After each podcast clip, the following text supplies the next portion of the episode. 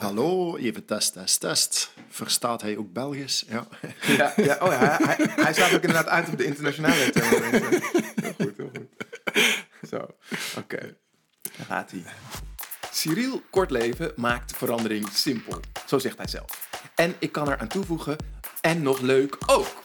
Ja, Cyril is internationaal topspreker over de change mindset en werkte samen met bedrijven als IKEA, NASA en Unilever. Cyril en ik leerden eh, elkaar kennen doordat we uh, beide een interesse of vakgebied delen. We deden mee bij elkaars workshops over online interactie. Man, oh man, wat een energie en enthousiasme spat er van deze man af. Ook van je scherm. Ik ben heel blij dat Cyril hier nu bij mij aan de keukentafel zit. Het had wat voeten in de aarde, aangezien hij eerst in het verkeerde Valkenburg in Limburg in plaats van in Zuid-Holland zat.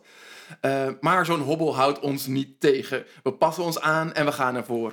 Wat kunnen we leren van Cyril en zijn hoofdonderwerp, de change mindset? Wat fijn dat je er bent, Cyril. Ja, super Ruben. Heel blij dat ik er uiteindelijk op de goede plek ben geraakt. Ja. Ja, ja. Kan je eens even vertellen wat er, wat er als eerst door jou heen ging op het moment dat je inderdaad realiseerde... Oh, kak, we zitten meer dan 200 kilometer bij elkaar vandaan terwijl we uh, nu een afspraak hebben. Ja, weet je, op dat moment is toch even kleine paniek van, oh, er bestaat nog een andere Valkenburg.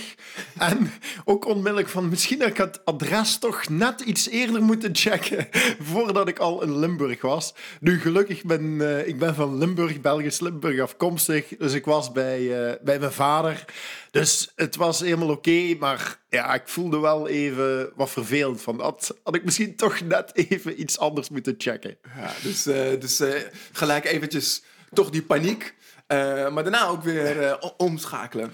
Ja, ik denk dan. Weet je, het is nu zo. Um, mijn eerste begin ik eigenlijk ook al onmiddellijk ideeën te bedenken van, ja, weet je wat ik kan doen? Ik zou om uh, heel vroeg kunnen opstaan en dan de ochtendfiles proberen te vermijden. Maar dan ben ik toch wel 2,5 uur onderweg. Dus ik denk, weet je, Ruben is volgens mij ook een zeer flexibele uh, persoon, weet je, laten we kijken of we het kunnen uitstellen, of ik het met een, uh, op een andere dag kunnen doen. Dus ze komen er wel onmiddellijk. Ja, ik probeer dan niet bij het probleem te blijven hangen, want ja, helpt toch niet. Weet je, je kunt er toch niks meer aan doen. En dan uh, probeer ik het wel vaak met, met wat humor recht te zetten en wat alternatieven ja. te bedenken. Ja. Ja, ik vond het, vond het leuk om te zien. De, de reden dat ik met deze vraag of eigenlijk uh, opmerking begin, is om, omdat het ook een voorbeeld is van hoe je in je dagelijks leven uh, profijt kan hebben van die change mindset, van het, ja, van het creatieve denken. Ja. Maar voordat we daar, daar, daar induiken, dacht ik misschien is het goed om eens te kijken van. Wat is dat eigenlijk, een change mindset? Hey, wat gaaf dat je luistert naar de Creators Podcast. De podcast die je helpt om meer uit je ideeën te halen. Jij bent geweldig, dat weet ik gewoon. Maar laat jij wel genoeg van jezelf zien? Zien jouw ideeën voldoende daglicht? Ik ben jouw host, Ruben Klerks. En elke aflevering creëer ik samen met een andere gast een nieuwe bron van inspiratie om jou te helpen ook meer te creëren, meer van je ideeën te delen en meer van jezelf te laten zien. Luister lekker verder, raak geïnspireerd en dan, niet langer wachten, laat jezelf zien, maak die ideeën waar voor mij komt die. Ik, heb, ik kom wat uit het wereldje van uh, creatief denken, uh, innovatie. Ik heb veel brainstorms begeleid. En ik merkte dat, dat puur creativiteit op zich. Dat mensen dat uh, ook heel boeiend vinden, kun je ook, ook heel goed inzetten. Maar ik merkte dat ook heel vaak bij verandertrajecten werd ingezet. En wat ik daar dan tegenkwam, of wat ik merkte, is van voor mij begint het echt wel vanuit de mindset en attitude. Weet je, want verandering is ook zo'n containerbegrip. Mm kun, je, mhm. kun je 300 richtingen mee uit. Um, maar ik geloof echt wel dat het van die mindset uh, vertrekt. En op datzelfde moment is het boek van uh, Carol Dweck, ah, ja. de Growth Mindset, uh, Fixed Mindset. Dat boek kwam uit en ik was aan het zoeken van hoe, hoe waar zit ik dan ergens? Waar zit mijn thema? En voor mij is die change mindset of verander mindset, die zit er wat mij betreft tussenin. Als je ergens zo'n fixed mindset ergens op hebt, maar je wil veranderen, dat proces om, om meer naar de, naar de groei te gaan, dat is voor mij die, die change mindset. Hmm. Maar het is wel voor mij heel bewust dat het op, op attitude en dat het bij die mens begint. Uh, als je iets wil veranderen, als je creatiever wil zijn of als je leven in een bepaalde richting wil sturen. Ja, het begint wel. Ja, hier, ik wijs nu hierboven aan mijn hoofd, maar misschien zit dat ook wel in, in je hart. Ja. Uh, waarschijnlijk misschien zelfs nog meer. En dat is ook een stuk mindset. Hoe, hoe zit je erin? Hoe sta je in het leven? dat dat wel een cruciale is voor ja, bijna alle veranderingen voor mij. Ja, ja. Dus je zegt dat het tussen de fixed en de growth mindset in staat. Want uh, eventjes, ehm, de growth mindset, dat is die mindset die uitgaat van dat je kan veranderen. Ehm, uh, ja. Uh, dat, we, dat, dat we neuroplastisch zijn. Hè? Dus, ja. dat we, um, en, en wat is er dan anders aan de change mindset? Ja, voor mij is dat het, het proces ertussenin. Van, um, want heel veel mensen... En het klopt ook wel zo. Op sommige gebieden denk ik dat, dat iedereen is je mindset gewoon ietsjes meer fixed. Weet dat je denkt van, ja, maar dit, dit kan ik nu niet meer veranderen. Weet je, dit ligt nu vast. En ik denk dat iedere mens het wel heeft. Bepaalde gebieden waarop je denkt van, nou ja, zo ziet de wereld eruit. Uh, en op andere gebieden denk je van, weet je, bijvoorbeeld met sport, ah, daar blijf ik groeien en ik, ik werk met een coach. En, en dat zit er heel vaak al in en vaak niet bewust. Voor mij is wel het, het proces van wat bewustwording, van oké, ik zit op dit gebied vast, wil ik dat veranderen? Dan heb je wel nog stappen nodig. Volgens mij ben je niet van, van het ene moment op het andere van, ah ja, ik heb nu de growth mindset ervoor. Maar daar moet je wat ingroeien en dat is voor mij dat pad van oké, de, de verandermindset. Wat zijn dan een aantal stappen? Wat zijn een aantal vaardigheden die je kunt zetten om dat vastgeroeste patroon wat los te weken? Ja, dat gaat ook niet van. Maar van, dat, van dat is eigenlijk waar je, waar, waar je van uitgaat. Dat, dat we vastgeroeste patronen hebben. En om naar zo'n uh, growth mindset te komen, moet je eigenlijk die patronen los. Uh, ja, moet je wat schudden. losweken. Ja. Moet, je, moet je ook zien van, oké, wat wil je dan bereiken? Weet je, Mhm. is het ook handig om, om daar een, een, een droom of een richting uh, te hebben, welke kant uh, je uit wil. En daar kun je een aantal stappen in zetten. En bij sommige mensen gaat dat veel sneller dan anderen. Um, maar ik merkte dat ik veel met het bedrijfsleven bezig was. Dat men vaak naar me toe kwam van... Um, ja, hoe kunnen onze mensen wat flexibeler zijn? Hoe kunnen we ervoor zorgen dat, dat mensen meer geëngageerd zijn als er een veranderd traject is? En dan merkte ik wel heel vaak dat ze kwamen van een soort vast punt Ja. dat losgeweekt moest worden om naar de ideale situatie te gaan. En Ja. dat tussenstuk, dat heb ik dan inderdaad de verandermindset genoemd. Ja, mooi man. Ja, en je zegt ook don't mind the change, maar change your mind. Uh, dat vind ik een mooie uitspraak. En um, ja, wat, wat kunnen we dan doen om die change mindset aan te leren? Ja, Wat zijn die stappen waar je, waar je, waar je ja, het over- ja, voor mij zijn er een, ehm, een, een drietal stappen, eh, misschien vier als ik naar mijn, mijn presentatie ook kijk. Heel vaak begin ik met mensen even bewust te maken met hoeveel patronen wij hebben. Mm. Je, Want wij als mensen, we zijn echt gewoontedieren. Weet je, wees heel even eerlijk, kijk hoe jij deze ochtend je dag begonnen bent. De kans is zeer groot dat, dat, dat die routine weet je, op dezelfde manier liep. En ik kan me voorstellen met kinderen dat het soms dan wel andere richtingen uitgaat. Oh nee, met, uh, met onze kinderen zit er ook ontzettend veel routine in. Oké, ja, maar je begint heel vaak met, weet je, de wekker gaat, uh, als je een partner hebt, een van jullie staat op, je gaat koffie halen, die gaat douchen, die doet dat. Terwijl, ja, je kunt wel eens zeggen, ja, gooi dat al maar eens even om. Hè. Ga eens, begin maar eens met vijf minuten het nieuws kijken, of in plaats van een koffie drink je een thee. Ja, volgens mij beginnen er heel veel mensen dan al helemaal te freaken. Ja, ja. hele dag gaat waarschijnlijk anders lopen. Dus ik begin heel vaak met eh, even bewustwording, want het heeft voor mij ook heel veel met, met bewustwording te maken van dat je herkent dat we inderdaad in patronen zitten. En dat probeer ik dan maar met humor te doen. Eh, en dat is volgens mij stap 1. Je moet bewust zijn van, oké, ik doe dingen altijd op dezelfde manier. Ben ik er nog gelukkig mee of niet? Zo ja, zou ik zeggen, blijf alsjeblieft doordoen. Prima, Ja, ja. Helemaal goed. Maar als dat niet is, ja, dan is het interessant om, wat ik dan noem, die change mindset in te zetten. En dat zijn voor mij eh, drie stappen. Heel simpel. Ik noem mezelf ook vaak eh, een simplifier. Ik doe dat een stuk omwille van, van branding, weet je, me weer even eh, wat, wat af te zetten, of niet af te zetten, me naast de, de trendwatchers en, en de visionairs te zetten, die een fantastisch mooi verhaal brengen met wat is er nu allemaal in de wereld gaande. Maar heel vaak wordt dat niet heel praktisch. Is het eerder geven ze een aantal beelden wat er gaande is. En ik merk dat mensen soms een beetje achterblijven oké, er is enorm veel aan het veranderen, maar wat nu? Ja. En ik Ja, bedoelt dat, dat zijn van die trendwatchers die het hebben over dat de wereld verandert snel en als je niet meebeweegt, eh, dan, eh, Absoluut. dan, dan ben je gedoemd. Ja, en je wordt overrompeld met, en dit is in China bezig en je moet bitcoins doen. En als je nu nog geen drone hebt, weet je, dan, ja, dan loop je al achter. En, en daar kan, weet je, op sommige vlakken of in sommige industrieën kan ik me voorstellen dat dat zo is. Maar ja, hoe begin je daaraan? Hoe, hoe, hoe pak je dat mee? En voor heel veel mensen, ik kan me voorstellen dat men in zo'n managementteam is men nog wel mee en kan men die, eh, die technologieën en dergelijke wel zien aankomen. Maar voor weet je, de, de persoon die eigenlijk helemaal niet met die dagelijkse strategie bezig is, ja, voor die persoon is het wel een ver van mijn bedshow. En, en hoe krijg je zo iemand, hoe kun je die persoon helpen om, om iets meer mee te gaan in die verandering?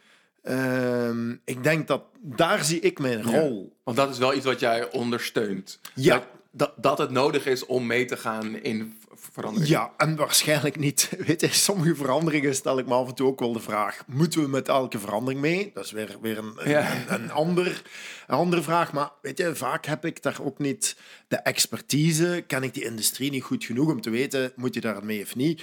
Wat ik wel weet, is dat de wereld continu aan het veranderen is. Weet je, dat, dat die verandering die zal blijven, consumenten willen anders. Dus er gaat wel continu verandering zijn. En het is dan inderdaad aan, denk ik, de bedrijfsleiding om, om daar een spoor in uit te zetten. Ehm, en mijn... En dat is misschien ook die spreuk wat je juist zei van... de, don't mind the change, change your mind. Het maakt mij zelfs niet helemaal uit welke verandering nu gaande is, maar hoe kunnen wij mensen helpen met verandering Om te gaan. om te gaan Ja, ja, veranderen. ja. En hoe kunnen we dat iets makkelijker maken? En daar heb ik dan een, een drietal hele simpele stappen. En ik kan me ook voorstellen mensen die, die echt eh, wetenschappelijk met verandertrajecten, of het verandertraject is uiteraard veel breder dan, dan puur die mindset, dat die soms zeggen van ja, maar dit is, dit is net iets te eenvoudig. Ik geloof erin dat met een aantal simpele basisregels, dat jij al ja, 75%, 80% van heel wat uitdagingen kunt coveren. Dat je mensen al drie stappen verder mee hebt, in plaats van het heel complex en, en ingewikkeld te maken. Kun, kun je ons eens meenemen in die drie stappen? Ja, ja, de drie stappen zijn, zijn ook heel simpele woorden eigenlijk. Yes and act. Yes and act. Waar staat de yes voor? De yes staat voor uitstel van oordeel. Kunnen we ons oordeel even uitstellen? De and staat voor, en de and is aan A en D. eh, kijk eens naar de wereld met een andere bril. Weet je, dus kijk, kijk eens vanuit een ander perspectief. En de act is, ja, je moet wel iets doen. Je moet wel eh, in beweging komen. Ik begin met die, met die yes. En omdat heel vaak als er nieuwe ideeën komen, wat gebeurt er, en dat doen we heel vaak onbewust, is wat ik noem komen met ID-killers. Een van die uitspraken van, ja, maar dat hebben we alles geprobeerd. Ja, maar dat werkt niet zo bij ons. Ja, maar we hebben geen budget, we hebben geen tijd. En als ik een oefening doe met mensen, weet je, en, ieder kan het ook heel even voor zichzelf eh, uittesten we zijn vrij goed om snel met dit soort ehm, ja, uitspraken te komen. En heel vaak zit er ook een, een graad van waarheid in. Er is vaak weinig of geen budget, er is niet vaak tijd. Maar door dat te roepen, dan, dan doden we eigenlijk onmiddellijk het idee. En, het, en een idee is nog iets heel kleins, iets heel fragiels. Dat kan uitgroeien tot iets groots. Dat moeten, we, dat moeten we koesteren, daar moeten we naar kijken. Maar als we onmiddellijk zeggen, als iemand met een idee komt... Ja, maar dat hebben we al eens gedaan. Ja, oké, wie weet hebben we dat vijf jaar geleden al eens geprobeerd. Maar wie weet is de markt veranderd en zou het nu wel kunnen. Weet je, Ja. laten we alstublieft even kijken wat kan of niet. Ik noem het ook heel bewust uitstel van oordeel. Ik zeg ook niet geen oordeel meer. Nee, weet Dat je is dat bijna onmogelijk. Hè? ja, dus, dus en het is dan ook zo heel leuk om te zien. Een hele kleine oefening, die is misschien ook leuk om, om zelf een keer te doen. Is van dat ik mensen vraag om, om even een duo te vormen. Ze maken een duo en dan in minuut één gaan ze in de ja maar. Dan vraag ik van, weet je, als jullie nu uh, samen een feestje zouden moeten organiseren Weet je, ene komt met de suggestie en de ander zegt ja, maar dat gaat niet lukken. Uh, we hebben geen budget. En dan komt die persoon weer met een nieuw idee. Die zegt, ah, maar we zouden een feestje bij ons thuis kunnen doen. Ja, maar we zijn met 50 collega's, die passen niet in ons huis. Weet je, en wat je merkt is, er gebeurt eigenlijk niks. We zitten elkaar de hele tijd uh, wat, wat af te breken, zal ik zeggen, of het idee af te breken. Um, maar mensen herkennen dit ook heel erg. In elke meeting komt het weer voor. Ja. Dan laat ik ze één minuut in de JN gaan. Dan zeg ik vaak, ga samen op vakantie. Wat merk je dan? Ruben, dat volume in die zaal dat gaat omhoog. Er is veel meer gelach. Mensen worden uh, enthousiast. Mensen worden enthousiast. Wat ik daar soms van terugkijk, uh, is dat mensen zeggen, ja, maar het wordt wel wat onrealistisch.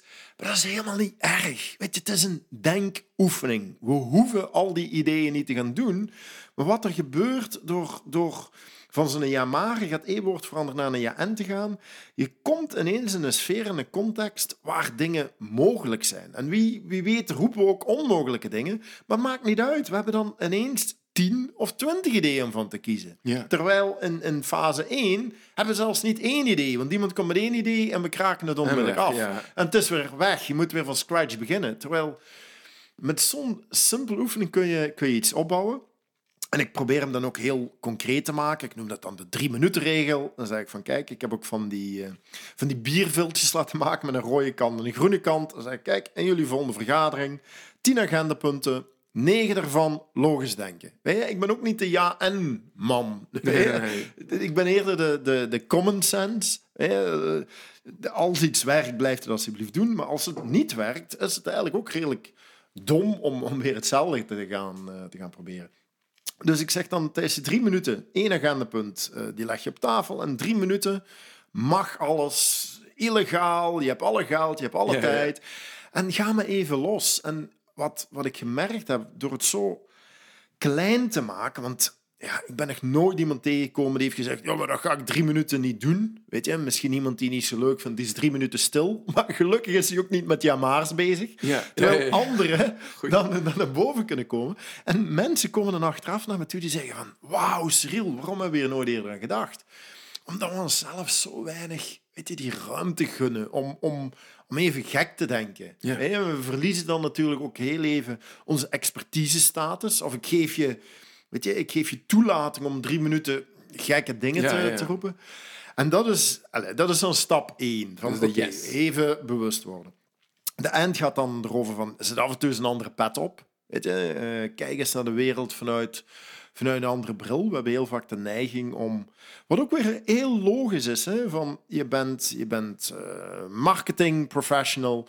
Ja, wat doe je? Alle problemen die, die op jouw pad komen, ja, die bekijken vanuit die pad. Wat ook heel goed is, weet je, daar ben je ook voor aangenomen. Dat, dat is ook iets wat je, wat je boeiend vindt. Maar soms loop je daar ook mee vast, want er komt een vraag om bijvoorbeeld, jullie willen een andere doelgroep gaan aanspreken. Je gaat onmiddellijk naar de manieren die je al eerder geprobeerd hebt, die, die je al kent. Hey, wel logisch, ah, we hebben dit en dit en dit. En opnieuw, dat is heel goed. Maar als die wereld zo snel zit te veranderen, moeten we misschien soms iets op een andere manier doen. En dan raad ik mensen ook aan van, ja, hoe zou iemand van, van human resources jouw probleem dan aanpakken? Of iemand van logistiek, of iemand van de juridische afdeling. En heel vaak door puur die pettelen heel even op te zetten, zeggen ah, maar die zouden dit of dit doen. En opnieuw, je hoeft niet onmiddellijk dat hele idee over te nemen, maar soms zit daar een, iets in dat je denkt van, hé, hey, maar dit zou nog wel eens, dit zou nog wel eens kunnen werken. Ja, ja. Weet je, en ik, dat je eigenlijk een perspectiefwissel... Uh, eigenlijk is het van perspectiefwisselen. Is het van... Uh, ja, en je kunt dat dan een andere rol nemen, maar je kunt natuurlijk ook een andere organisatie. Hoe zou jullie, jullie uh, concurrent, wat zou die doen? hey, je zit in een heel andere industrie. Je zit niet meer in de telecom. Je, je, je, zit bij, je werkt voor IKEA. Wat, wat zouden die dan? Oh ja, die zouden dit of dit gaan aanpakken. En heel vaak kom je dan al op nieuwe ideeën. En dat is ook de fase waar ik mensen ook wat creatieve technieken meegeef. Mm -hmm. Daar zul jij ongetwijfeld ook al dingen over gedeeld hebben van wat is nu een techniek om weet je, net iets anders te denken. Dat je, dat je inbeeldt, ah, we, zijn niet van Nederland. Hoe zou een Belg het oplossen? Hoe zou een Zuid-Afrikaan het aanpakken? Hoe zou iemand van Rusland? Weet je, en op die manier, door, door die andere pet op te zetten, kom je heel vaak al tot nieuwe invalshoeken. Ja. Dat, je, dat je nieuwe wegen waarvan je dacht van ja, maar dat kan niet, ah, dat er misschien toch potentieel in zit. En dan het laatste is dan de act. Je moet er wel iets mee doen. We kunnen heel veel over ideeën babbelen.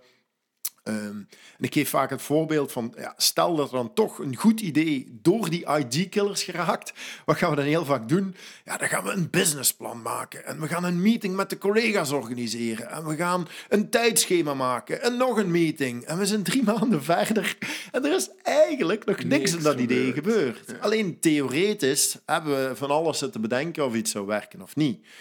Wil dat dan zeggen dat we geen plannen meer moeten hebben? Nee, dat, dat zeg ik ook niet. Maar misschien moeten onze plannen ietsjes ruwer worden. Eh, iets meer een aantal mijlpalen hebben. Want één ding weet je zeker: dat het plan anders zal lopen dan verwacht. Ja. dat, dat- dat is eenmaal de realiteit. En daar raad ik mensen dan aan om eh nanostappen te nemen. Wat is dan een nanostap? Je hebt eh, één uur de tijd en je hebt 10 euro. Gelimiteerd budget en tijd, omdat dat vaak de twee grootste ID-killers zijn die mensen roepen. Ja. Dus eigenlijk leg je een soort van restricties al, al op om binnen Ja. die restricties Ja. te zoeken naar En- stappen. Ja, dus in plaats van aan je groot plan te werken, neem dus een nanostap. Je pakt de telefoon eens op, bel eens een collega eh, en, en kijk, kijk wat daar dan, dan uitkomt. Eh, mm. En dan misschien als laatste, heb je, heb je eigenlijk het hele verhaal al nood op gehad. Wat ook nog bij de act zit, is van ja, kijk, soms gaat het goed, soms gaat het niet goed. Dat hoort nu eenmaal bij innovatie. Je bent met nieuwe dingen bezig. Dus je, je weet niet wat het eindresultaat gaat zijn. Maar heel vaak spreken we dan over een mislukking of falen als het niet lukt. Ehm, en daar hebben we samen met een groepje van mensen hebben daar een nieuw woord eh, voor geïntroduceerd. En dat is het woord een rakeling. Een, dus geen krakeling, maar een rakeling. En wat is een rakeling? Iets dat je met de juiste intentie hebt ondernomen, maar dat nog niet tot het gewenste resultaat heeft geleid. Ja, we denken heel vaak binair, 0 en 1. Ja. 0 is mislukking, 1 is succes. De rakeling is de 0,1, de 0,3, de 0,9. Hey, je hebt initiatief genomen, je hebt die klant opgebeld. Die klant is heel enthousiast. Je hebt drie collega's erbij betrokken. Het project begint zo echt vorm te krijgen. Maar dan komt ineens een berichtje weet je, van het hoofdkantoor dat er weet je, geen nieuwe initiatieven mogen eh, genomen worden. Ja, dan kun je zeggen, het hele project is mislukt. Maar je kan ook zeggen, ja jongens, het was een rakeling. We zijn al tot 0,7 gekomen. Eh, we hadden misschien eerst even die financiële check moeten doen. Maar je bent al een heel stuk verder. Weet je, je bent volgens mij verder dan de persoon die nog achter zijn of haar bureau zit, die theoretisch nog een businessplan aan het maken Ja, is. ja, Want ja. jij weet al, hey, die twee stappen, dat werkt, dat moeten we anders doen. En voor mij is ook het concept van de rakeling, omdat er nog geen, weet je, het is een nieuw woord, geen connotatie op zit, kunnen we dat in een bedrijf gebruiken om een soort cultuur van iets meer ondernemerschap, Ja, durf maar graag. dingen te doen, Ja, ja. in plaats van met vingertje te wijzen. eh. En dat is eigenlijk mijn, mijn verhaal. Dus er zit niet echt heel nieuwe dingen in, maar ik denk de manier waarop ik het breng, en ik probeer hem heel praktisch te maken, dat mensen er wel mee aan de slag gaan. Dat vind ik wel mooi. Ja, heel mooi. Ja, ik vind het ook echt leuk om te merken, dat, dat, dat zag ik in ehm, de, de sessie over online in- interactie bij jou, maar, maar ook in, in je boek en op je website, ehm, ja, dat je echt helpt om verandering simpel te maken. Maar wat is, wat is in jouw ervaring hetgeen wat mensen doen, misschien onbewust, om verandering juist ingewikkeld te maken? Wat ik merk is dat, dat we als mensen... ehm, ja, op een of andere manier hebben we de neiging om dingen complex te Ja. maken.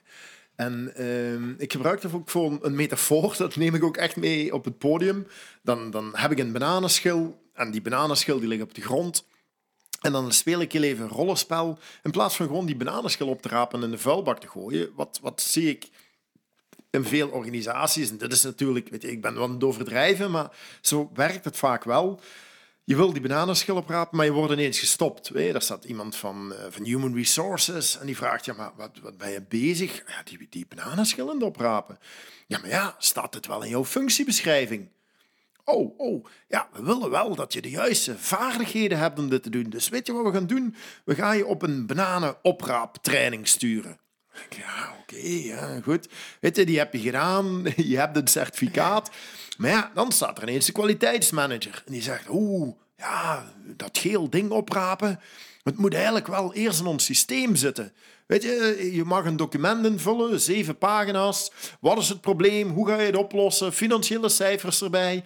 Weet je, omdat dat zijn processen die wij kennen. Als we iets tegenkomen, dan doen we dat op die manier en dat werkt in het verleden. Maar ja, je voelt al aan, dit is totaal overdreven. En als laatste stapje, weet je, heb ik uiteindelijk ook nog toestemming van, van kwaliteitscontrole. Dan komt ineens de, de CEO langs of, of het managementteam. En die zeggen van, oeh, ja, weet je, toch wel een groot probleem. We gaan een multidisciplinair team samenstellen en we gaan consultants huren.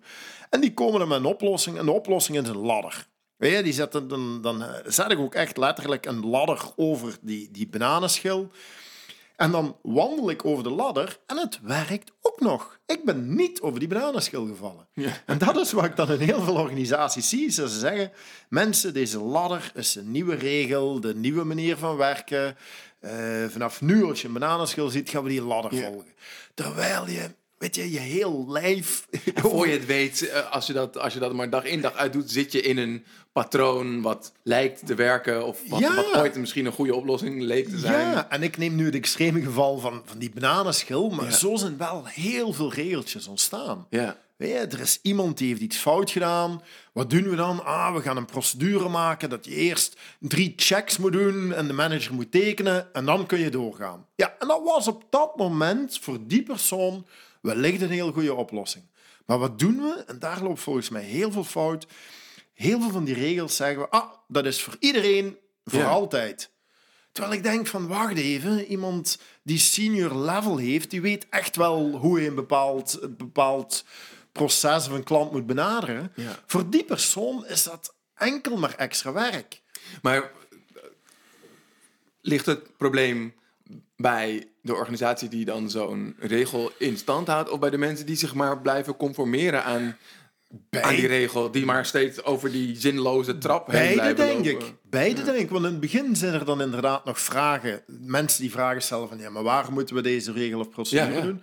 Maar na een tijd, weet je, als je dat 10, 20 keer gedaan hebt, ja, doe je ook die moeite niet meer. Dus ik. En heel vaak, die regel komt er ook vaak met een goede intentie. Wij, ze willen dat iets niet meer fout gaat. De, de, de vraag die we dan vaak als mensen niet stellen van, ja, moeten we het dan voor altijd of iedereen? Of, wat ik fantastisch vind, waarom geen, geen regel met een houdbaarheidsdatum? Nee, dat we zeggen, kijk, we gaan dat nu een jaar doen. Na een jaar gaan we kijken hoe is die wereld ge geëvalueerd. Is het nog steeds nodig? Als het nodig is, opnieuw voor een jaar. Maar wat merk je, is dat we een soort wereld leven waar, waar we wel heel veel willen controleren. En het is dat controlegedrag. En dan is het beide kanten, zowel de organisatie als persoon die braaf het regeltjes volgt. Van, ah ja, ik wil niks fout doen, dus ik zal maar braaf het regeltje volgen in plaats van een vraag te stellen. Maar ook die manager die zegt, ah, we gaan hier nog een regeltje bovenop doen. Een regel boven regel. En op den duur, mensen hebben geen flauw idee waarom ze nog iets doen. En dan, wat ik gemerkt heb, is dat eigenlijk dan de beste manier om er vanaf te komen, is dat je bijna een crisis nodig hebt. Dat er echt iets ontstaat. Weet je, nu met, met uh, het hele corona-verhaal. Hoeveel regeltjes daar doorbroken zijn die vroeger niet konden. Ja, ja, Weet je, van thuiswerken. Um, ja, het kan niet. We kunnen niet uh, iedereen een computer thuis geven.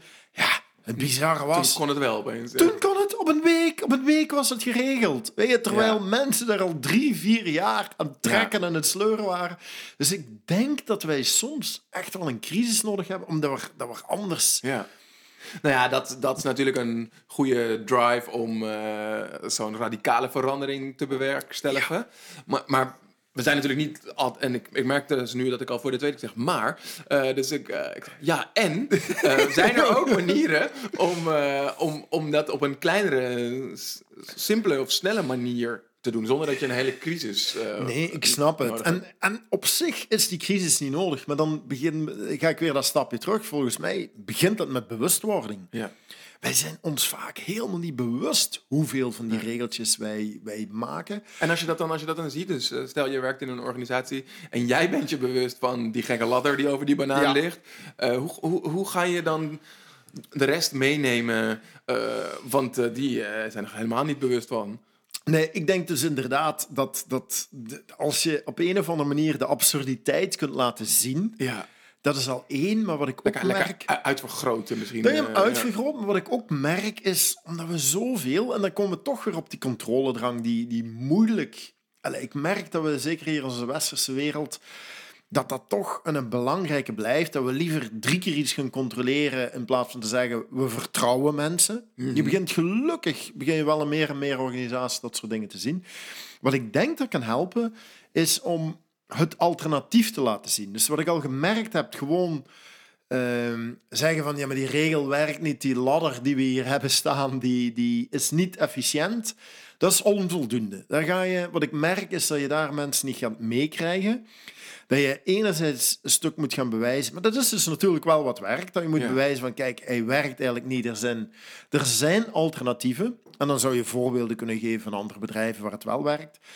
En dan is het toch wel Allee, ga je wat een kritische massa moeten meekrijgen. Want anders ga je inderdaad... Je gaat wat vechten, je gaat... eh, weet je, je bent de, de, de klokkenluider. Maar dat is geen makkelijke rol. Dat is Nee. geen makkelijke rol, want, want wat je gaat merken als je één van die regeltjes wil veranderen, heel vaak zitten die regeltjes weer gekoppeld aan wat andere regels. En vaak heb je zelfs iemand of een functie die er bestaat om die regeltjes in stand te houden. Dus wat er dan gebeurt, is dat je, je gaat dan bijna over een functie van iemand gaan babbelen, als ik het even ietsjes vertrek. Ja, die gaat er niet blij mee zijn. Weet je, want, want zijn of haar job is... eh, ik ga afvinken of iedereen de kostennota eh, wel juist heeft ingevuld. Terwijl Ja. jij wil zeggen van, jongens, De om- kostennota's invullen. Ja. onder de 100 euro, we vertrouwen onze mensen, het is niet meer nodig. Dus je merkt dan dat je waarschijnlijk zelfs een stuk gaat tegengewerkt worden ja. over een regel waarvan je als je even logisch nadenkt, dat die, dat die vaak niet klopt. Wat ik wel mooi zou vinden, is van zouden we bijvoorbeeld één dag per jaar kunnen instellen van kijk, we gaan nu allemaal en we gaan op, op ietsjes hogere niveaus even nadenken. Weet je, op voorhand zou je dat kunnen verzamelen.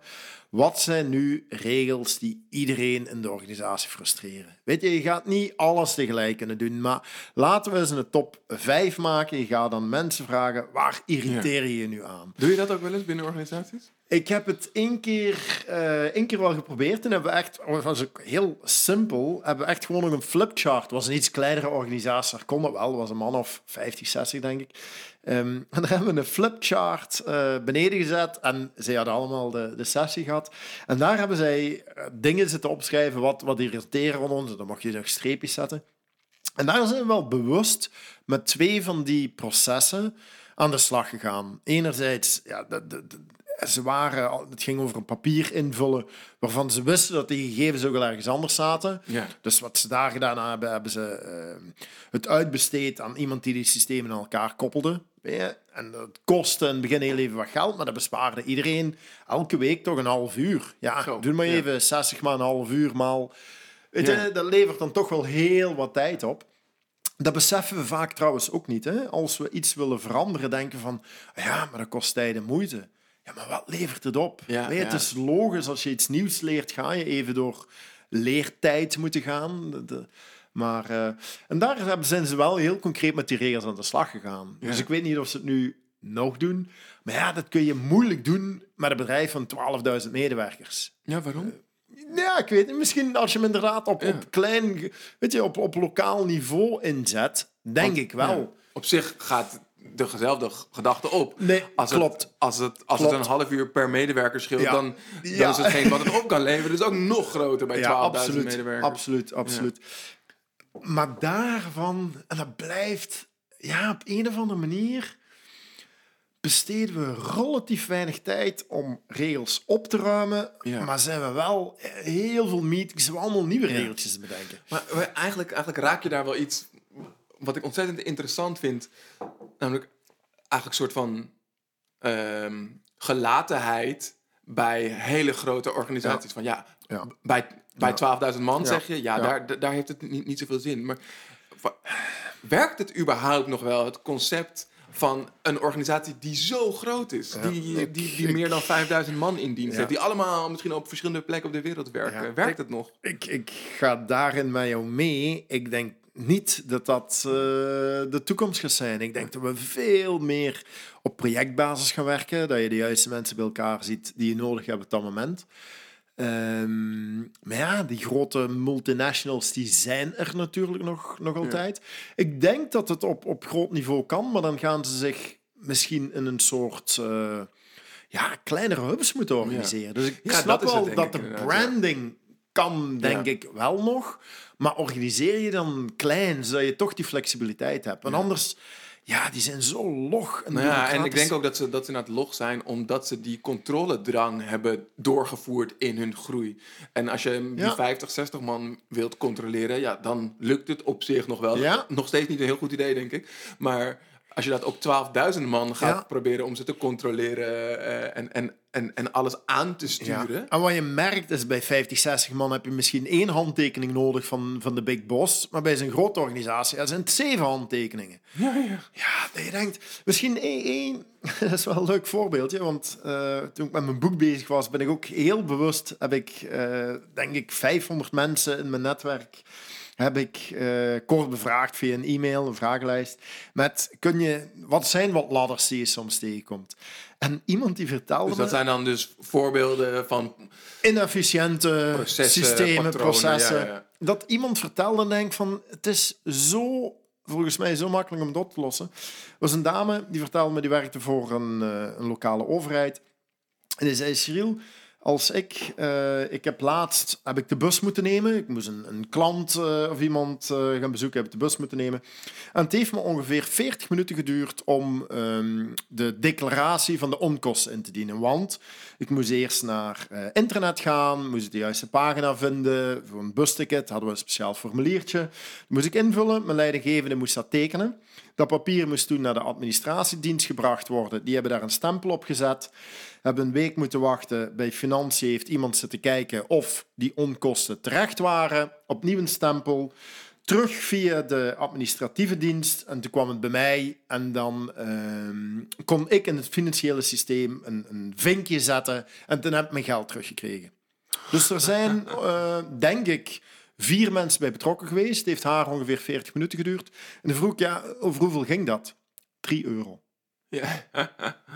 3 Oh my euro. God, Dan ja. denk ik van, eh, voor zo'n proces moet je toch... Allee, ook als je daar bedrijfskundig naar kijkt, heeft toch...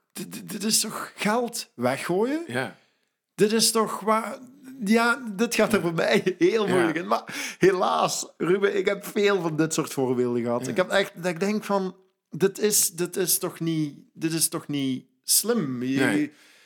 Ja. Hoe gaat, die, hoe gaat die change mindset in dat soort situaties helpen? Ehm, wat ik merk is, is als ik het, het verhaal kan brengen. Weet je, en ik heb ook niet de illusie. eh, Weet je, en op zich is het wel heel mooi van ah, ik ga de hele wereld veranderen. Ik, ik weet niet dat ik denk dat, dat, dat ik dat ken. Als ik, als ik een aantal mensen al, al een heel klein stapje of, of iets heb kunnen ontsteken van, van een vlammetje dat ze anders gaan denken, dan ben, ben ik eigenlijk al heel gelukkig. Wat ik merk is, als ik dat verhaal kan brengen voor een iets grotere groep, dat het een soort taal geeft. Dat mensen kunnen zeggen, ah, maar dat was een ID-killer. Weet je, Ah, op of een hier staat een ladder. Hier Ja. staat een ladder. Zouden we er iets aan kunnen doen? Ja. Dat je veel sneller bewustwording hebt. Ja. En dat ze een aantal tools en vaardigheden hebben om...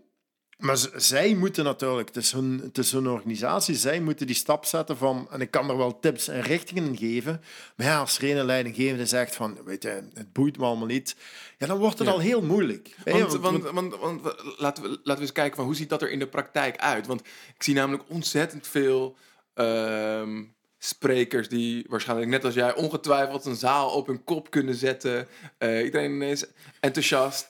Maar wat we ook altijd weer terugzien is dat als dan eh, een week later iedereen weer terug in de realiteit zit, dat, ze- dat ze weer eigenlijk in datzelfde Ja. oude patroon terugvallen. Dus wat zie jij hoe, hoe, hoe mensen met die change mindset omgaan? Als ze dat yes and act. Het blijft, het blijft ook heel moeilijk. Hè? Ik heb ook heel bewust heb ik gekozen om ehm, die rol van spreker in te gaan. Dus ik doe weinig of niks consulting of adviesverlening. Dus ik kom ook zelden uh, later nog terug. En dat is een bewuste keuze. Dat, dat mijn energie en mijn kracht zit hem ook vooral in uh, mensen bewust maken, die groep meemaken.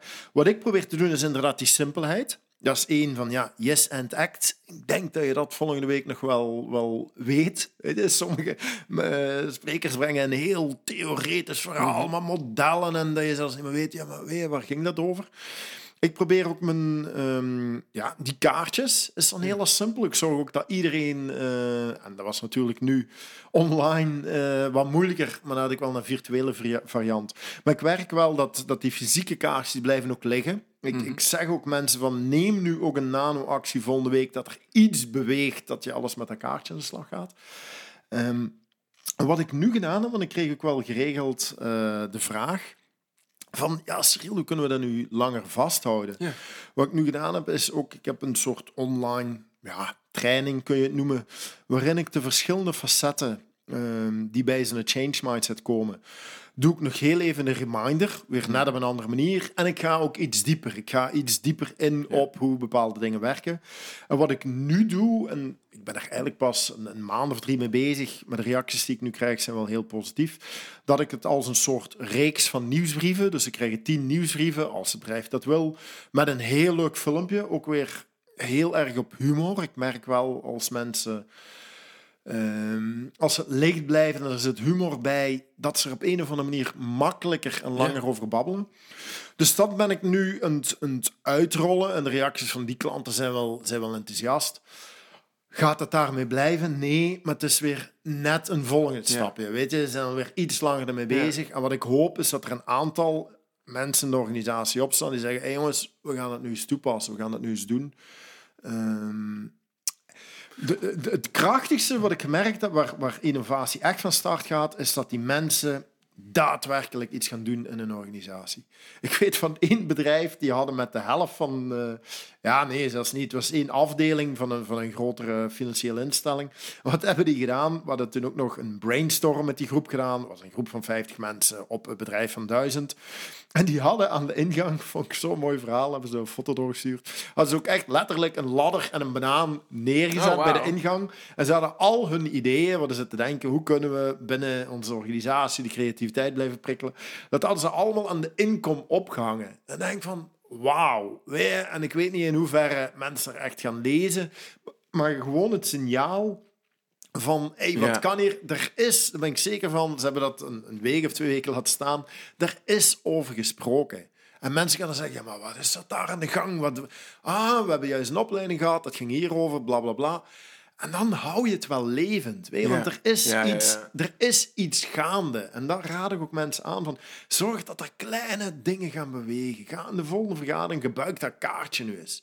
Weet je, gewoon al dat ze erover babbelen. En misschien binnen een half jaar of een jaar is het weer wat verwaterd. Maar ja, dat is natuurlijk met alles zo. Hè? Als je iets wil levend houden, je zult het vaker met laten Ja, je moet het vaker doen, aandacht gaan blijven besteden. Ja. En hoe pas jij zelf de change mindset toe in je, in je eigen leven? Um, ja, ik probeer, wat ik wel merk, omdat ik er natuurlijk veel mee bezig ben, is dat bij mij, de, ik, ik trap nog in vallen, hè, dat ik ook mezelf tegenkom, dat ik denk van, Cyril, hoe kan je dat patroon uh, nu, nu Zo niet zien? je daar een voorbeeld van? Ja, wat, uh, misschien een voorbeeldje wat ik, wat ik vertelde. Ik ben, in, uh, ben naar Thailand geweest. Was wel, allez, was heel mooi geweest, maar ik mocht wat langer blijven omdat ik uh, ook positief getest was. Maar uiteindelijk mocht ik, ik mocht terug. En uh, ik vlog met KLM. En dat was een Thaise dame die daar, die er achterin stond, maar het was allemaal een beetje gedoe. Uh, en wat ik dan deed, dat ik vroeg, en dat was dan mijn patroon, dat ik zeg van ja, maar ik wil heel graag, uh, weet je, de manager van, van KLM spreken. In mijn gedachten was dat dan een Nederlandse dame of vrouw, ja. waarop die dame haar badge toont met manager KLM-team dat ik mezelf eigenlijk ook schaamde van, ah ja, tuurlijk, Schriel. Weet je, waarom moet iemand van KLM Nederlandse nationaliteit hebben? Weet je, zeg ja. dan, ik denk van, ah, weet je, dat is zo één voorbeeldje. Um, maar vaak ook, weet je, bij de winkel. Dat ik, dat ik bij de winkel, dat, dat een bepaald merk er niet is. Dat ik denk, ah ja, dit product is er niet. Maar ja, dat ik dan twee minuten later denk van, ja, maar wacht, dus er zijn nog vijf andere merken. Weet je, ook van granola. Dat zal ook wel even goed zijn. Maar dat, dat je dat dan niet onmiddellijk beseft. Dat je denkt, ah ja, mijn merk is er niet, dus dat product is er niet. Weet je, eigenlijk heel, heel Ja. stom. Maar aan de andere kant ook weer, weet je, ook weer heel logisch. Eh, ik denk dat, dat ja, 95% van de activiteiten die wij doen, ja, zijn routines van wat we in het verleden gedaan hebben. Wij, elke dag zitten we wel mailtjes te versturen. Wij, het zal elke keer een ander mailtje zijn, maar in de meeste gevallen is het ah, voor een klant, voor dit, voor dat. En vanaf het moment dat jij eens een mail binnenkrijgt, gaat onmiddellijk jouw logisch brein denken. En dat is ook supergoed. Hè? Er is ook absoluut niks mis mee. Je zou ook gewoon helemaal gek worden als, jij, als je alles in vraag zou stellen. Ehm, maar ik merk het bijvoorbeeld ook, en dat zullen mensen ook wel meegemaakt hebben, als je gaat reizen. Weet je, je komt in andere, Kom andere culturen. ja. Ja, hoeveel patronen je dan bij jezelf kunt ontdekken. Dat je denkt van, oh, het zijn hier toch wel rare mensen, hoe, of dingen wat ze doen. Ja, ook een heel, heel leuk verhaal. Ehm, nu, het is al even geleden. Ik denk dat het acht jaar geleden was, mocht ik in eh, Indië, in Indië iets doen. En dat was op een, een business school.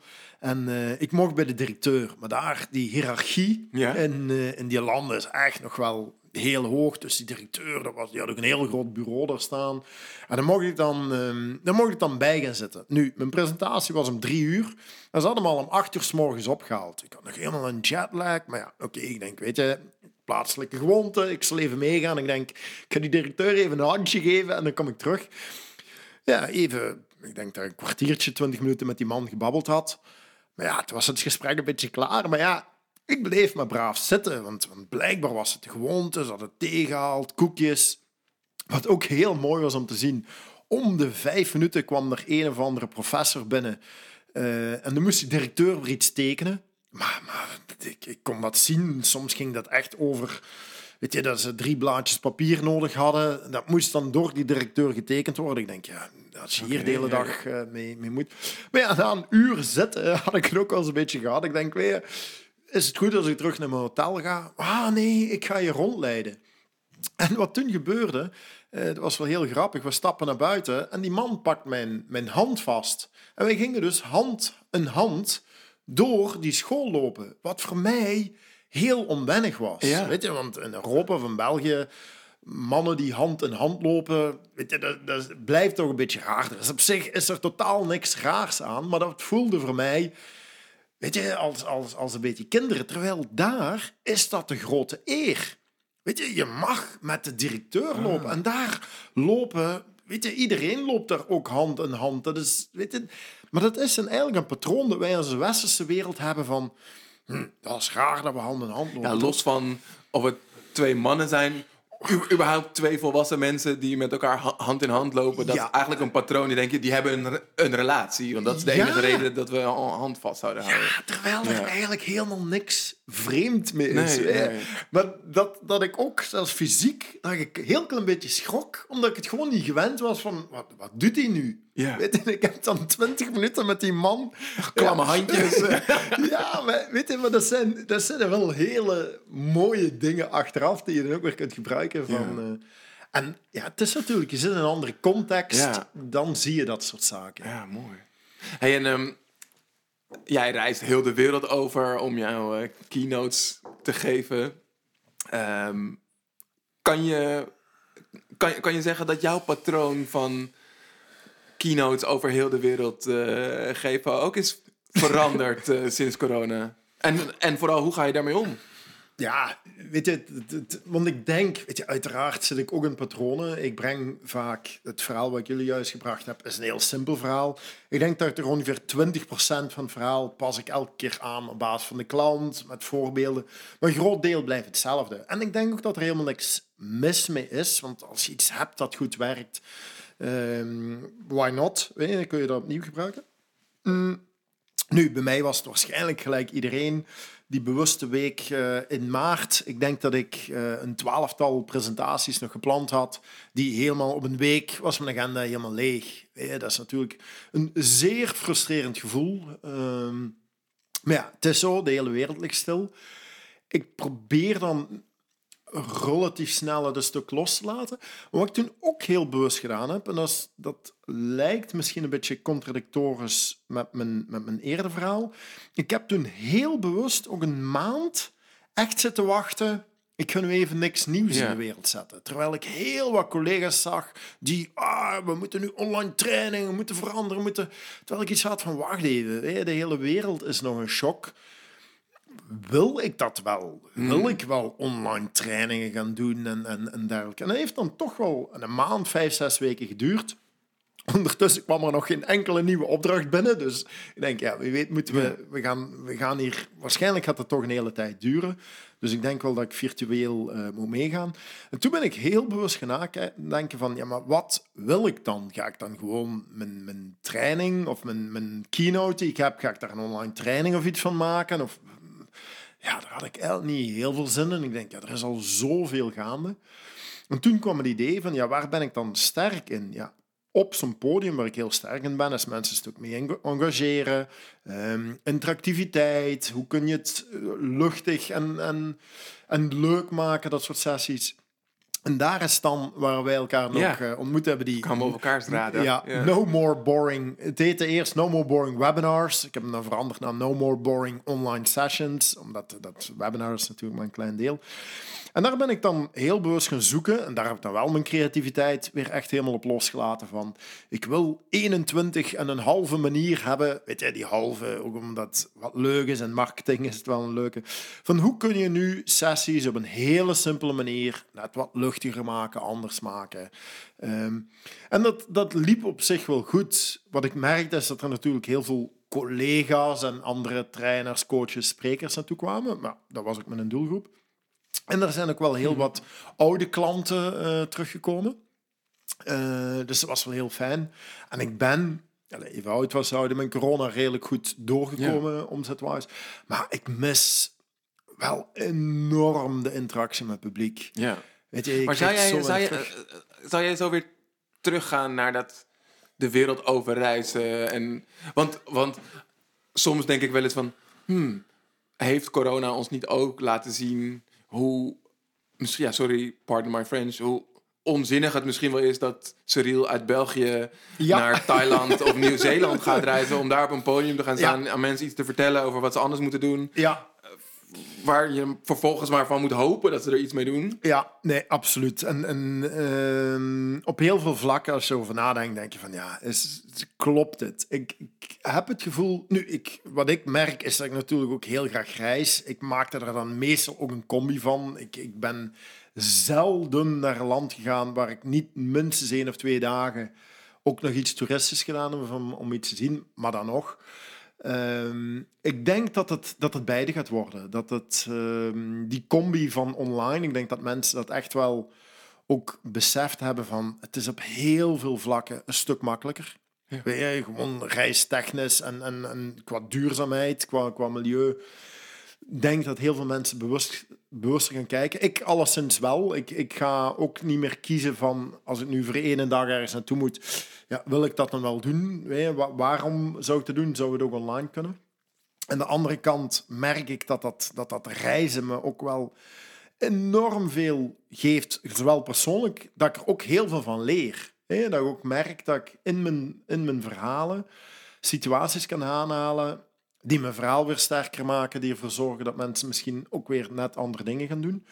Ehm, en wat ik merk is dat ehm, als ik dan toch die reis aanga, hoe kunnen we er dan voor zorgen, ook die event, dat, dat die toegevoegde waarde echt wel een stuk groter is van, dan van hey, Cyril komt er even zijn verhaaltje doen, wat ook een andere spreker kan doen. Nee, wacht even, wat is dan absoluut mijn kracht? Waar maak ik het verschil?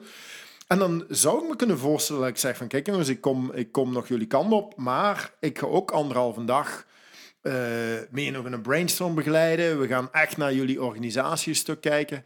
En dan kun je je nog afvragen, ja, zit er in Australië niet iemand die dat ook zou kunnen? Mhm, Misschien wel. Maar ik denk dat ik dan alleszins van mijn kant ga kijken van... Oké, wat kan ik daar nog doen? Ehm, dat, dat, dat ik daar inderdaad nog, nog bij andere organisaties dingen ga doen. Ik ga nu inderdaad ook drie keer nadenken van... Ja, is het de moeite om... En, en dat gaat niet alleen puur wat centjes zijn... Ehm, ja, zou het ook op een andere Ja. manier kunnen. Waar ik dan ook onmiddellijk wel merk van, ah, ik vond dat reizen wel heel leuk. Dus ik ga ook voor mezelf inderdaad moeten kijken van, hoe ga ik dat afwegen? Ja. En ik ben benieuwd hoe dat gaat lopen, want allee, de eerste fysieke vragen komen er nu weer aan. Dus vooral nog, nog België-Nederland, merk, merk ik. Ik denk dat dat echt internationale, intercontinentaal, dat gaat volgens mij nog wel langer duren. Ja. Zal nog, nog wel een half jaar. Maar ik, heel terecht. ehm, welke bewuste keuzes maken erin? Ja. Ja, en om onbewuste keuzes te maken is het natuurlijk fijn om te weten waar je naartoe werkt. Dat, hè, dat je noemde dat zelf ook net in jouw methodiek ook. Wat is, wat is eigenlijk jouw hoger eh, doel? Waarvoor doe jij het allemaal? Wat ik merk, goed, dat is wel heel zware vraag waar we volgens mij een, een dag mee aan de slag kunnen. Ehm, wat ik merk is dat ik goed ben om een grote groep van mensen op een simpele manier eh, wat zaken kan meegeven, kan ze energie meegeven, om verandering inderdaad in te zetten of wat simpeler te maken. Dus mijn, mijn doel is, hoe kan ik op een, op een luchtige manier, eenvoudige manier mensen prikkelen om die veranderingen, waar ik heel vaak merk dat mensen dat zwaar en moeilijk vinden, hoe kan dat wat eenvoudiger? En wat ik gemerkt heb, is dat die rol als spreker, dat die mij heel goed ligt. Ik hou van grote groepen, ik krijg er energie van. Ik ben ook redelijk goed, zet mij voor elke groep. En, en ik krijg die groep ook eh, mee. Ik krijg... ehm, ik, weet je, ik, ik denk, ik heb niet de illusie dat, dat ik iemand kan veranderen. Die- Ieder moet, moet zelf veranderen. Maar ik kan wel iemand prikkelen om er minstens voor open te staan. Dus ik merk soms wel in een zaal dat er, dat er vier man of de laatste rij... die zitten met een armen gekruist over elkaar. Als zo iemand op het einde naar me toe komt en zegt van... Wauw, ik vond een goed verhaal. Ik ga dat kaartje een keer gebruiken.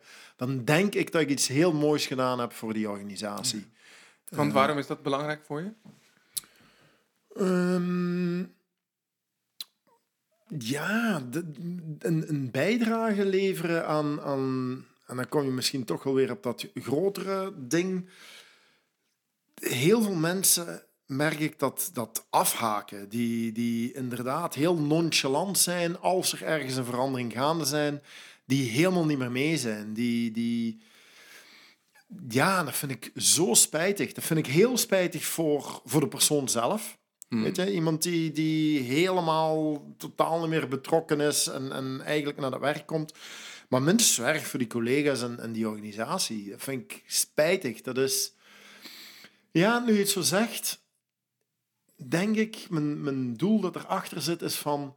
Als ik het potentieel van iemand, al is het maar 1% omhoog kan krijgen, ja, dan, dan dat is de reden waarom ik op dit bolletje hier rondloop. Ja. en ik denk dat, dat, dat ik in mijn rol, door die openheid creëren, dat mensen beseffen van, hé, hey, maar wacht even, zo'n verandering, dat kan ook voor mij goed zijn. Ik kan mijn leven iets, iets makkelijker inrichten. Eh, ja, dus, dus dan toch dat, dat, dat potentieel van iemand wat raken, Ja. prikkelen. Ja, precies. Dus, dus niet zozeer het, eh, het potentieel vergroten, maar tot, tot dat potentieel komen en het benutten. Het benutten, want ik Ja. geloof dat, dat heel veel mensen dat die echt onder hun potentieel bezig zijn. Ja. ja zeker. En, wat, en wat, wat zou er gebeuren als al die mensen dat maar blijven doen? Onder hun po- potentieel blijven werken? Goh, ja, je ziet dat er een soort, eh, ja, dat mensen apathisch beginnen reageren. Dat vind ik Hmm. Zuur. Zuur, ja. Ja. Ook in de maatschappij van, ja, er gebeurt iets, ah, het interesseert me niet. Weet je, wat ik nu heel mooi vind, nu wat er nu gaande is in, in Oekraïne en Rusland. Ik heb het gevoel dat heel veel mensen er wel bij betrokken zijn. En je weet natuurlijk, het is ook maar de media wat, wat wij meekrijgen. Maar voor andere zaken, waar ik soms in, in, dan week werk veel met, met, met bedrijven dan, dat ik zie dat een verandering wordt aangekondigd. Want soms zit ik op een congres, dat dingen, dat mensen al beginnen zuchten voordat ze die zaal inkomen. Ik heb het één keer meegemaakt. Dat was uh, de dag van de creativiteit. Mochten wij bij verschillende provincies, het was in, uh, in België, in Vlaanderen, mochten we langsgaan, want het was de dag of de week van de creativiteit. En we mochten in alle afdelingen rondlopen en mensen even prikkelen. We hadden ons kaartjes bij en we moesten het wat leuk maken. ja. Maar wat, wat, en dat heeft mij echt geraakt toen. Um, op een bepaalde afdeling zat iemand uh, in een hoekje, want mensen wisten dat we langskwamen, dus ze zaten al een beetje aan de koffie. We deden een oefening vijf minuten. En die man die zat helemaal in zijn hoekje achteraan. Helemaal goed, dat moet hij doen. Dus ik denk, ik ga die man ook een uh, zo'n zo kaartje geven. En uh, hij ziet mij aankomen, hij staat al op. En hij begint al verver te roepen van... Och, die stomme zever allemaal. Er gaat hier toch niks veranderen dat bedrijf. Nog zeven jaar en ik kan op pensioen. En ik stond daar redelijk geschokt. Ik heb hem het kaartje gegeven. Ik heb gezegd, maak er nog een hele mooie dag van. Maar ik ben er achteraf even over zitten nadenken. En denk van, hoe kan dat? Dan moet je toch zo zuur zijn als jij nog zeven jaar in zo'n organisatie moet meegaan. En je zit er met tegenzin. Je hebt er die collega's. Ja, die, ik denk dat die ook niet blij worden van, van die man. Ligt dat helemaal in die man? Dat weet ik niet. Die heeft ongetwijfeld al heel veel dingen meegemaakt. En, en dat, dat dingen niet veranderen, ja, dat, dat gebeurt ook vaak. Maar dat vond ik zo spijtig dat ik denk van ja, het is misschien voor dat soort mensen, of alleszins de omgeving in die context, dat ik iets wil creëren van het kan anders. Want wat zou je nu tegen die man zeggen als je weer tegenover hem zou zitten? Ik weet niet of hij op dit moment open zou staan om, om ernaar te luisteren ik denk wel dat ik hem, dat ik hem zou bedanken. Ik, ik denk dat ik hem echt zou bedanken van... Hij staat zelfs in mijn boek uh, dat hij mij getriggerd heeft om mensen te prikkelen dat het anders kan. Ik, ik zou hem het verhaal van mijn kant doen en hem bedanken. En uiteraard, als hij er iets mee wil, dat, dat is zijn uh, keuze dan. Ik weet niet of, je, of ik hem in die situatie toen had kunnen beïnvloeden. Wel, wil ik ook niet, maar ik zou hem bedanken van dankjewel voor jouw reactie. Ik weet niet hoe die er komt. Als jij zou willen, kun je er ook iets aan doen, maar ja, ja. dat laat ik ook volledig hopen. Ja. Mooi. en um, dat doel, als je het hebt over ACT, wat zijn uh, nano-stapjes die jij uh, de komende tijd uh, onderneemt om dichter bij dat doel te komen? Um, wat, wat, ik, wat ik wel merk is van uh, een van de dingen, want ja, zoals spreker, dus je bent toch vaak alleen. Weet je, je hebt wel al je collega's en, en je kunt daar wat over hebben. Dat ik merk dat ik het heel fijn vind om weer uh, met andere aansluiting te zoeken. Dus ik vind het nu ook weer super leuk om uh, met jou hier te zetten. Om daar te horen waar, waar ben jij mee bezig. En, en wat ik ook merk is dat ik vaak zo wat kleine dingen wat zit uit te wisselen. Van ja, hoe, hoe pak jij je business aan? Weet je, de wereld gaat nu wel weer wat open. Uh, wat doe jij? Wat, weet je, met, met een boek, hoe, hoe zet je dan de wereld? Hoe benader jij mensen? Uh, wat, wat zijn zaken om misschien dat doel om mensen te prikkelen? Hoe pak jij dat aan? Ik was uh, deze week zag ik ook een van onze collega's die in de podcast bij Oiler is geweest, Rico, die dan een, een, idee heeft. Hij heeft het over slechte ideeën, maar hij gaat een soort, uh, ik weet niet of ik dat mag zeggen, sorry Rico als niemand, uh, maar hij gaat een soort wc-rol wil hij uitbrengen, waar dan ook nog een tekst op staat. Dan denk ik, ja, fantastisch. Weet je, dat is ook zo'n gebruiksvoorwerp, wat natuurlijk iedereen elke dag gebruikt dat prikkelt mij dan weer van, oké, okay, wat, wat, zou er dan nog iets kleins zijn wat ik kan doen? Kan ik daar wat stappen op zetten? En wat ik wel bewust merk, is dat ik, dat ik vaak ook, als ik zo'n idee heb, dat ik, dat ik hem inderdaad ook heel klein ga, ga testen of proberen. Bijvoorbeeld met uh, die video's, weet je, wat ik nu in een soort nieuwsletterreeks wil brengen. Wat ik gedaan heb, is bewust eerst één filmpje gemaakt dat is bij een aantal klanten neergelegd. Dus even kijken wat zijn reacties. En op die positieve reacties bij hun al even gepeild van... Hey, zou zoiets voor jullie interessant kunnen zijn?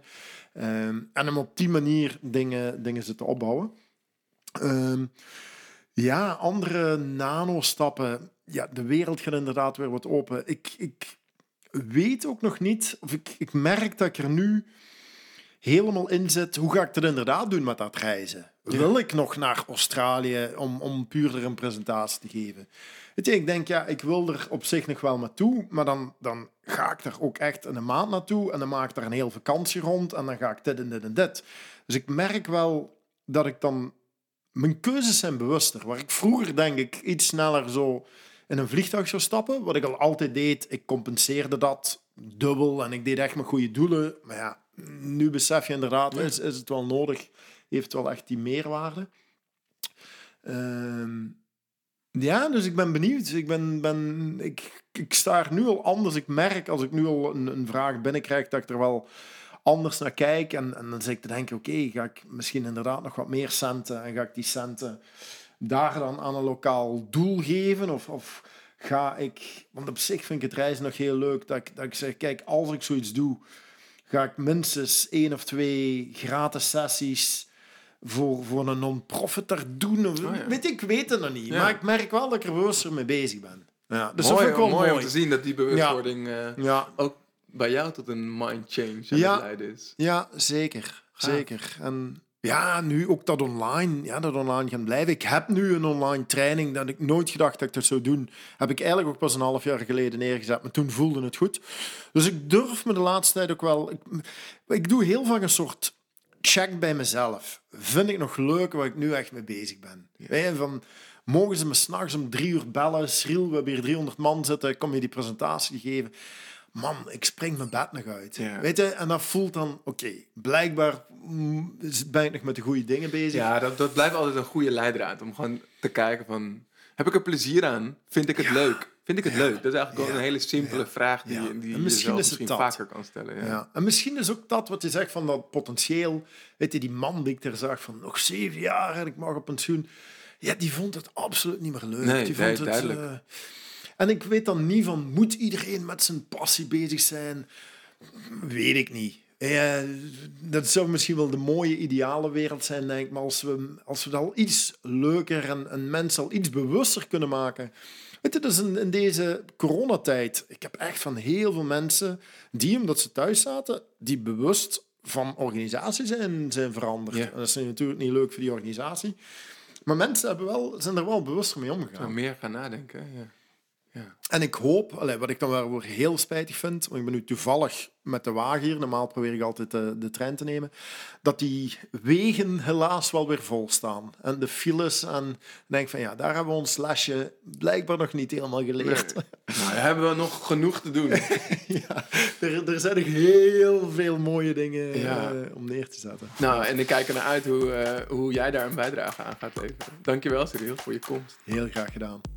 Wil je jouw waardering uiten over deze podcast? Dat kan. Deel dan op je socials dat je hebt geluisterd en wat je hebt geleerd uit deze aflevering. Delen wat je anders gaat doen na het luisteren werkt nog krachtiger. Dat helpt je pas echt creëren. En het helpt ons om nog meer mensen te bereiken. Dat zou tof zijn. Dankjewel alvast dat je zo goed voor jezelf en ons zorgt.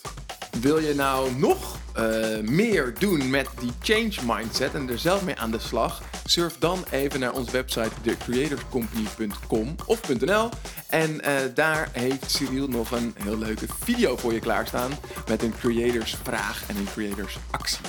In de volgende aflevering spreek ik met Wouter van Noord, journalist voor het NRC. En we spreken over zingeving en zelfontstijging. Dat belooft wat. Tot de volgende Creators Podcast.